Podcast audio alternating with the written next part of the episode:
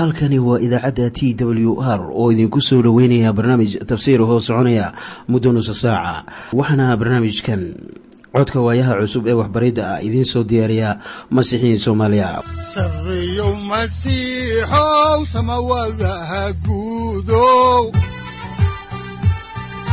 Siraadkii adduunkow subanaha eebow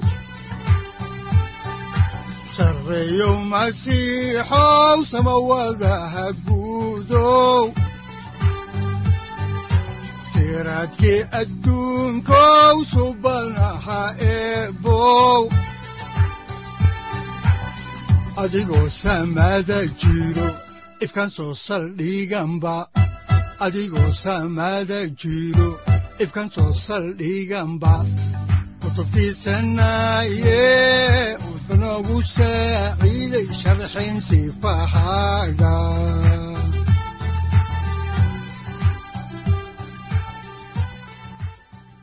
ku soo dhowaada dhegaystayaal barnaamijkeenna dhammaantiinba. Waxaan horay u sii ambaqaadi doonnaa daraasaadkii la magac baxay baibalka dhammaantii. Waxaannu caawa idiin bilaabi doonnaa cutubka afar iyo labaatanaad ee kitaabka saddexaad ee muuse oo loo yaqaanno laawiyiinta balse aynu haatan wada dhegaysanno qhasiidadan soo socota oo ay inoogu luqeeyaan culimmo masiixi ah ee soomaaliyeed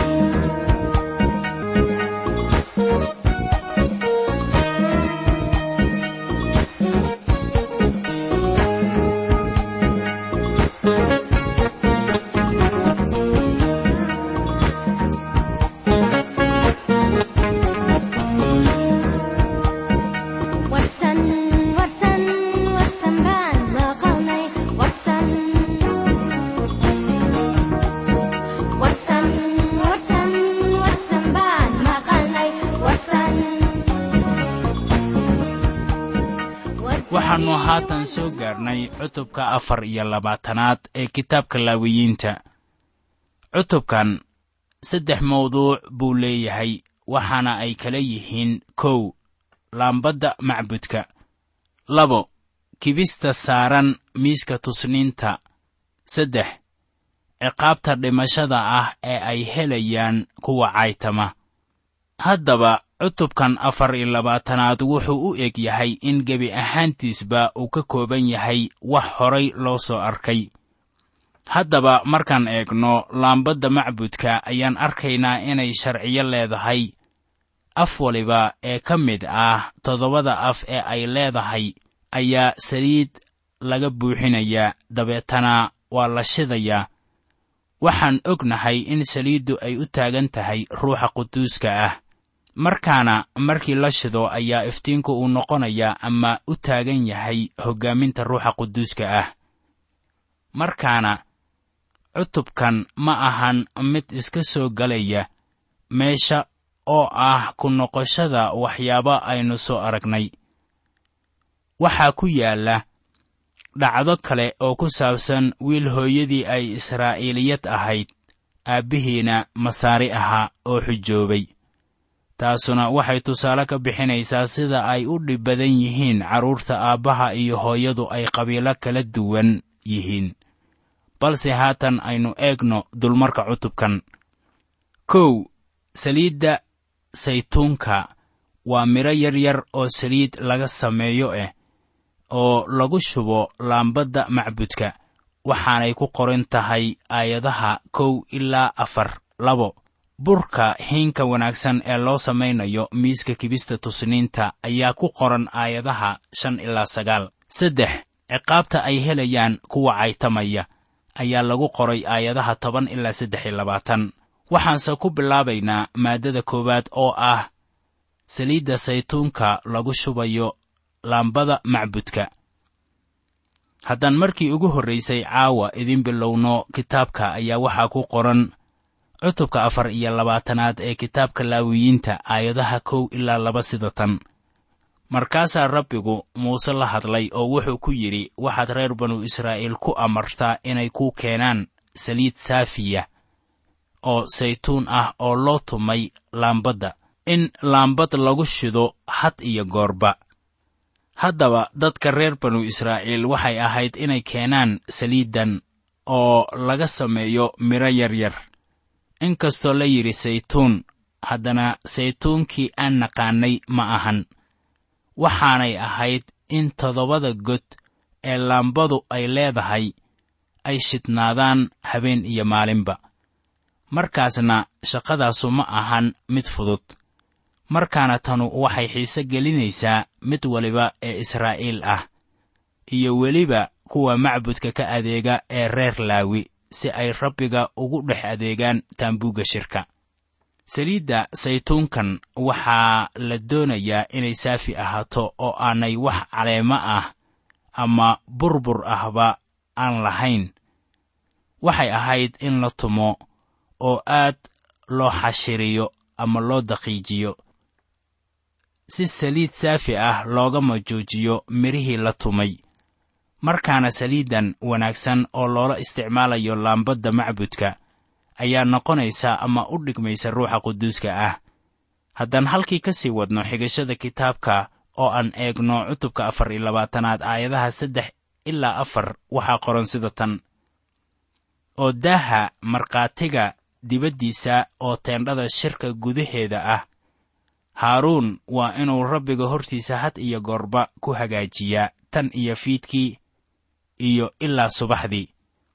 Oo kaasu waa inuu ahaadaa qaynuun weligiis idiin jiri doona tan iyo ab ka ab. Oo isagu waa inuu had iyo goorba laambadaha ku hor hagaajiyaa laambadda saafiga ah oo rabbiga hortiisa taal.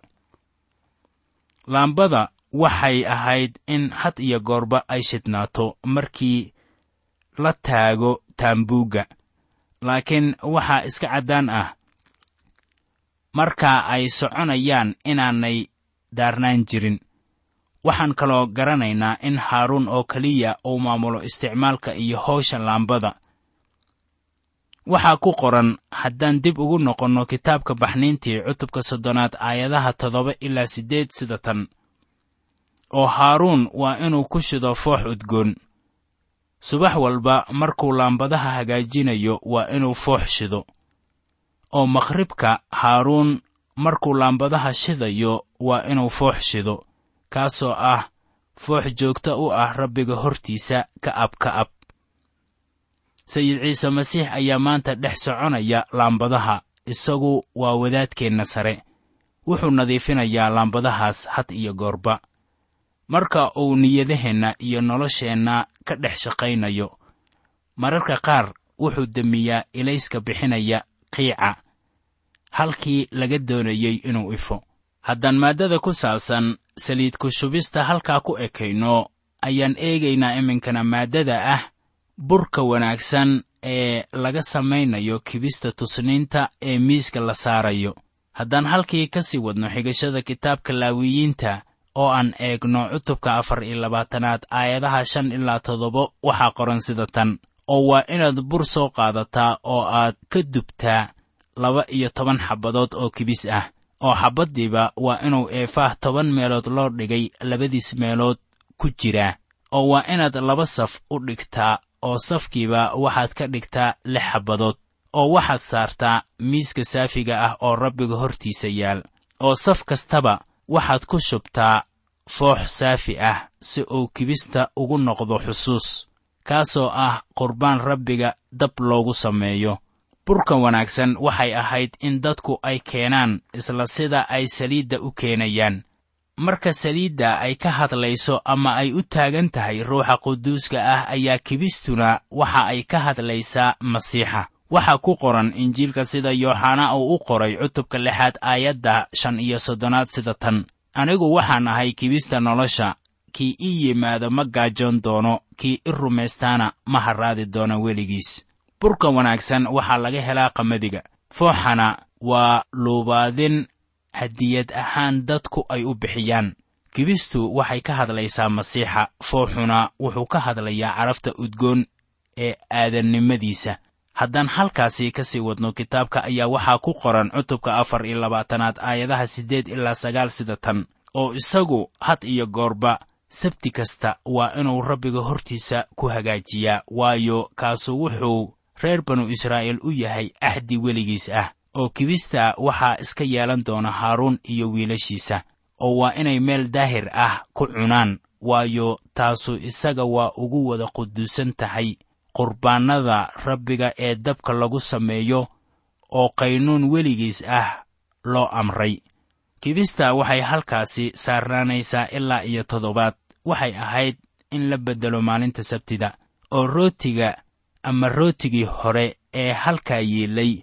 Waxaa cunaya haaruun iyo wiilashiisa waxaanay mar waliba ku cunayaan meesha quduuska ah. Sayidkeennu dhacdadan ayuu u cuskaday kuwii ku eedeeyey inuu sabtida gooyey badar ama sabuullo uu ka jaray beerta sida ku qoran injiilka sida matayos uu u qoray cutubka laba iyo tobanaad aayadaha saddex ilaa afar. Kibista iyo iftiinkuba waxay ka hadlayaan masiixa. Waxaana ku qoran injiilka sida yooxana uu u qoray cutubka lixaad aayadda konton iyo koowaad sida tan. Anigu waxaan ahay kibista nool ee samada ka soo degtay. Haddii qofuun kibistan cuno weligiis wuu noolaan doonaa. Oo kibistan siin doono waa jirkayga. Nolosha dunida aawadeed kibista iyo iftiinku waxa ay ka hadlayaan masiixa. Haddaba masiixu waxaa kaloo uu ahaa nuurka dunida. Sida ku qoran injiilka sida yuuxana u qoray cutubka siddeedaad aayadda labayo tobanaad waxaana qoran sida tan. Anigu waxaan ahay nuurka dunida kii i soo raacaa gudcurka kuma socon doono wuxuuse lahaan doonaa nuurka nolosha. Maadaama uu isagu yahay kibista nolosha waa inaynu quudannaa. Haddii aynu doonayno inaan u adeegno oo wax waliba ee aynu isaga u samayno waa in lagu sameeyaa iftiinka ruuxa quduuska ah.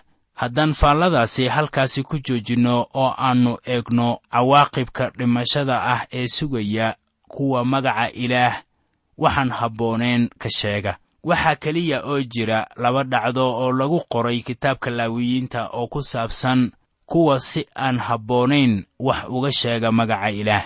Dhacdo waa tii qabsatay naadaab iyo abiihu sida ku qoran laawiyiinta cutubka tobanaad.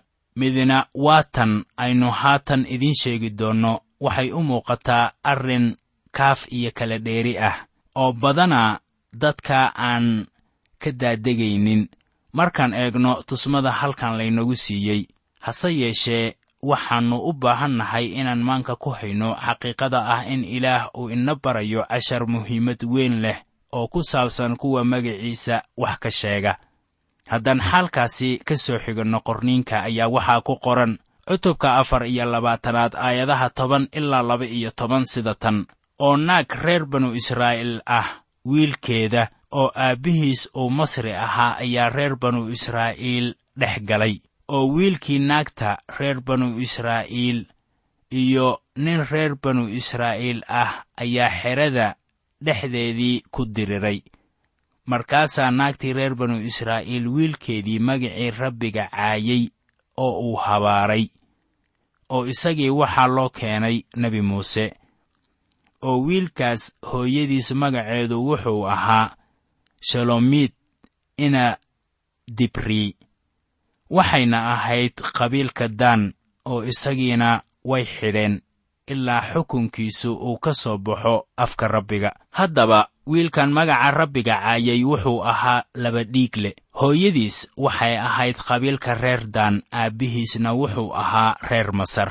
Haddaba waxaa reer banu israa'iil cidlada kula dhex soconayay dad badan oo reer masar ah. Sida ku qoran baxniintii cutubka laba iyo tobanaad aayadda siddeed iyo soddonaad. Waxaan markaasi arkaynaa in hormadaasi kale ee reer masar ah ay dhibaato ka dhex dhalin jireen xerada reer banu israa'iil. Way gunuusi jireen oo dhib bay la soo taagnaayeen. Si bal dhibaatooyinkooda aynu u darisno aynu eegno tirintii cutubka kow iyo tobanaad aayadda afaraad waxaana qoran sida tan. Oo dadkii badnaa oo isku darsanaa oo iyaga ku dhex jirayna aad bay wax ugu jeeleen. Oo reer banu israa'iilna mar kale ayay ooyeen oo waxay yidhaahdeen bal yaa hilib aannu cunno na siinaya. Haddaba waynu arki karnaa in carruurtaannu ay yihiin qaswadayaal. Maalintii wacnayd ee u timid reer banu israa'iil ee ahayd inay ka soo baxaan addoonsiga masar oo ay galaan dhulkii loo ballanqaaday ayaa aabbayaashii masaariyiinta ahaa ay ku hadheen dhulkii masar hooyooyinkiina waxay soo wateen carruurtoodii markaasaa waxaa halkaasi ka dhacay kala dhaqaaq. Taasina waa sababta ilaah mar waliba uu u lahaa oo uu haatanna u leeyahay waa inaannu guur dhex marin kuwa ilaah rumaysan iyo kuwa aan ilaah rumaysnayn. Haddaba tanu ma ahan wax quseeya qoloqolo iyo midabtakoortoona ha yeeshee waa qalad nin ilaah rumaysan inuu guursado haweenay aan ilaah rumaysnayn. Iyadoo aan la eegaynin midabka haweenayda ilaah rumaysanna ma ahan inay guursato mid aan ilaah rumaysnayn. Xitaa haddii ay isku jinsi yihiin.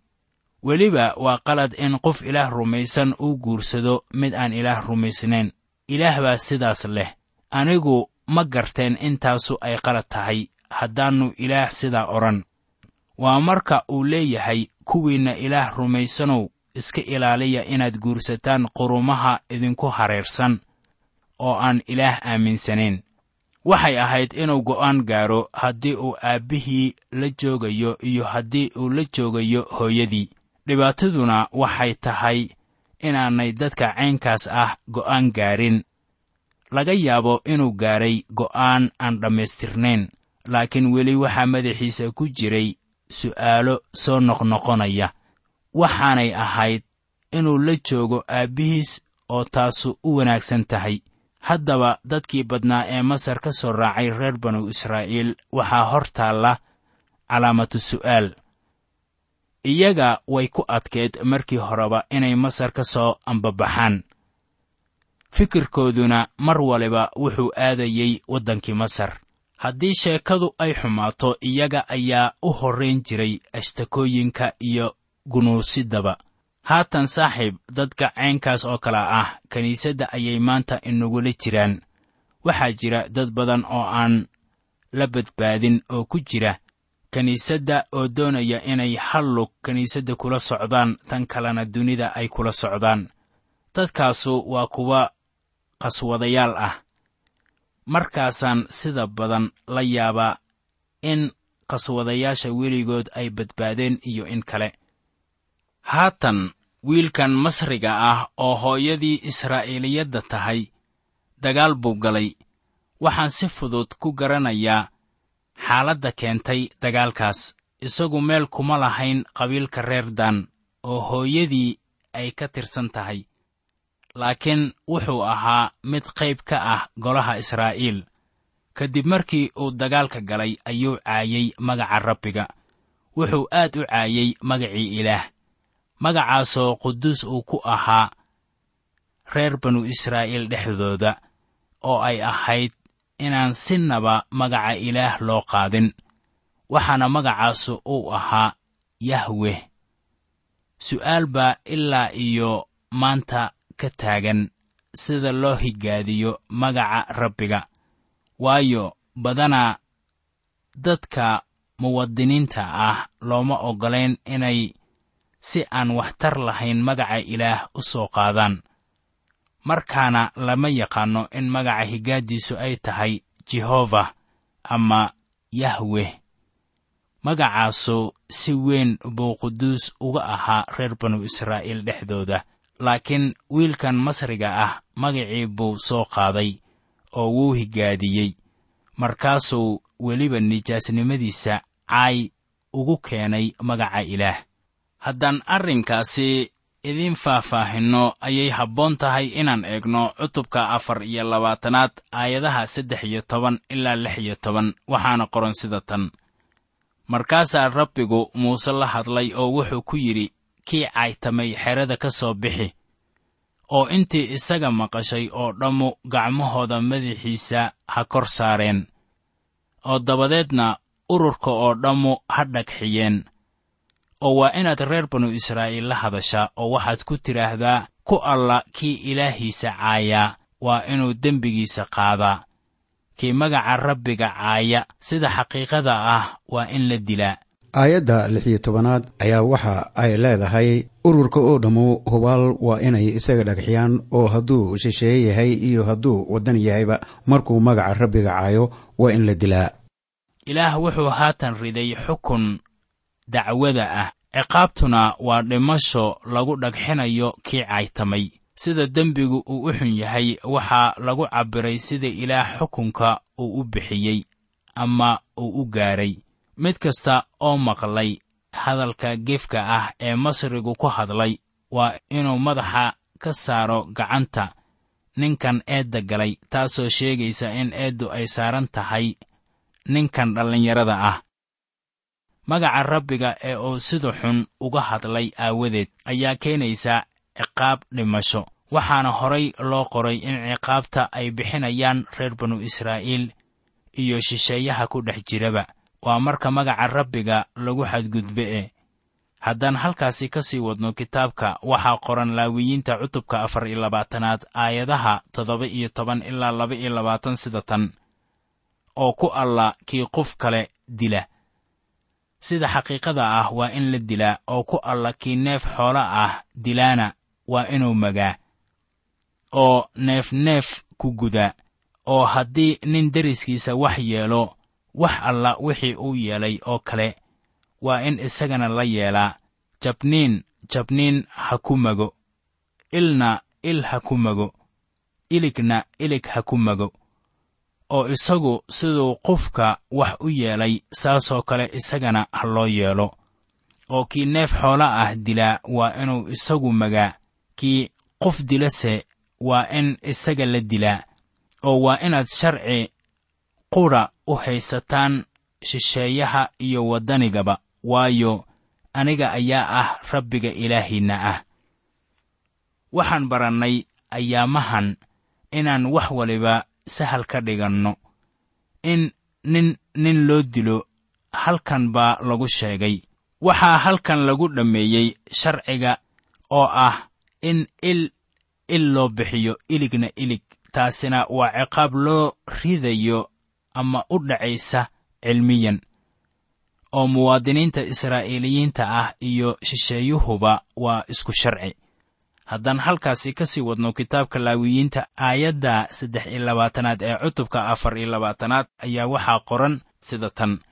Markaasaa muuse la hadlay reer banu israa'iil oo iyana waxay xerada ka soo bixiyeen kii caytamay oo way dhagxiyeen oo reer banu israa'iil waxay sameeyeen sidii rabbigu muuse ku amray.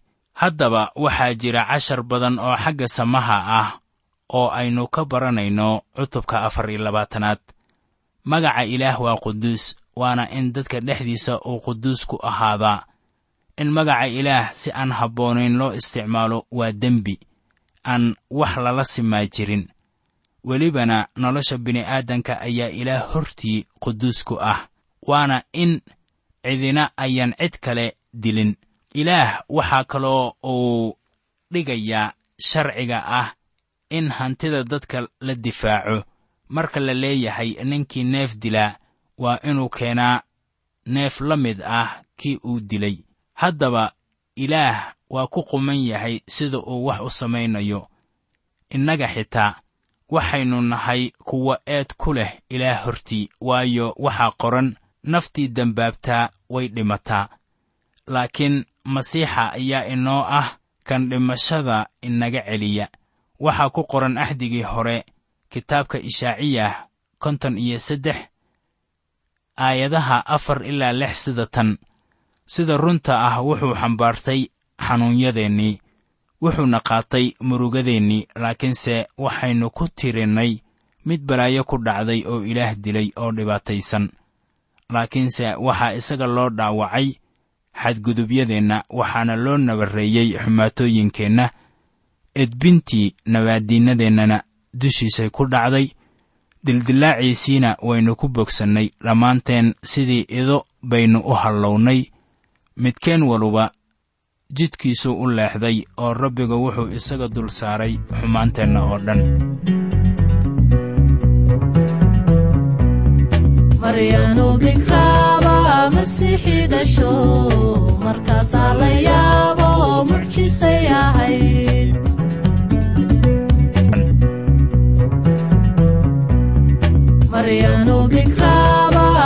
masiixii dhasho markaasaa la yaabo mucjisay ahayd iyadoo rag moogbay malaa'ig salaanto markaasay uruudu mucjisay ahayd maryanu bikraaba masiixii dhasho markaasaa la yaabo mucjisay ahayd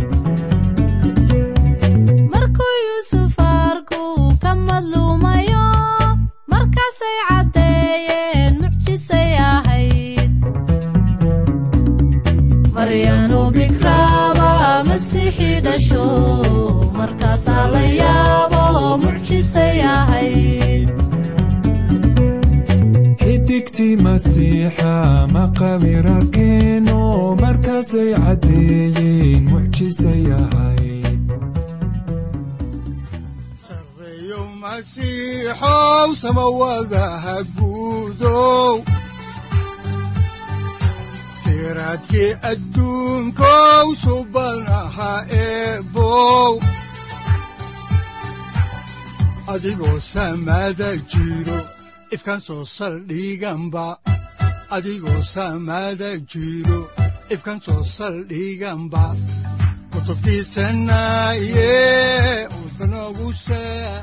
halkani waa t w r idaacadda t w r oo idinku leh ilaa ha idin barakeeyo oo ha idinku anfaco wixii aad caawi ka maqasheen barnaamijka. Waxaa barnaamijkan oo kalea aad ka maqli doontaan habeen dambe hadahan oo kale haddiise aad doonaysaan in aad fikirkiina ka dhiibataan wixii aad caawi maqasheen ayaad nagala soo xiriiri kartaan som t w r at t w r c o k e haddii aad doonaysaan in aad dejiisataan oo kaydsataan barnaamijka ama aad mar kale dhegaysataan fadlan mar kale booqo www t w r o r g amase waxaad teleefoonkaaga ku kaydsataa ama ku download garaysataa agabyada ku sahli karaa dhegeysiga t w r haddii aad doonayso in laga kaalmeeyo dhinacyada fahamka kitaabka amase aad u baahan tahay duco fadlan fariimahaaga soo mari bogga aaraahda ama kommentska inana jawaab degdeg ah ayaanu ku soo diri doonaa amase ku siin doonaaye sareeyow masiixow salula wihiyow saacadda timid dhulka sabada ku dhalatiyo sareeyow masiixow salug la halkani waa t w r oo idiin rajaynaya habeen baraare iyo barwaaqaba leh inta aynu ka gaari doono wakhti aynu ku kulanno barnaamij la mida kan caawayay aad maqasheen. Waxa aan idinku leeyahay nabadda ciise masiix ha idinku badato xagga jidhka iyo ruuxaba. Aamiin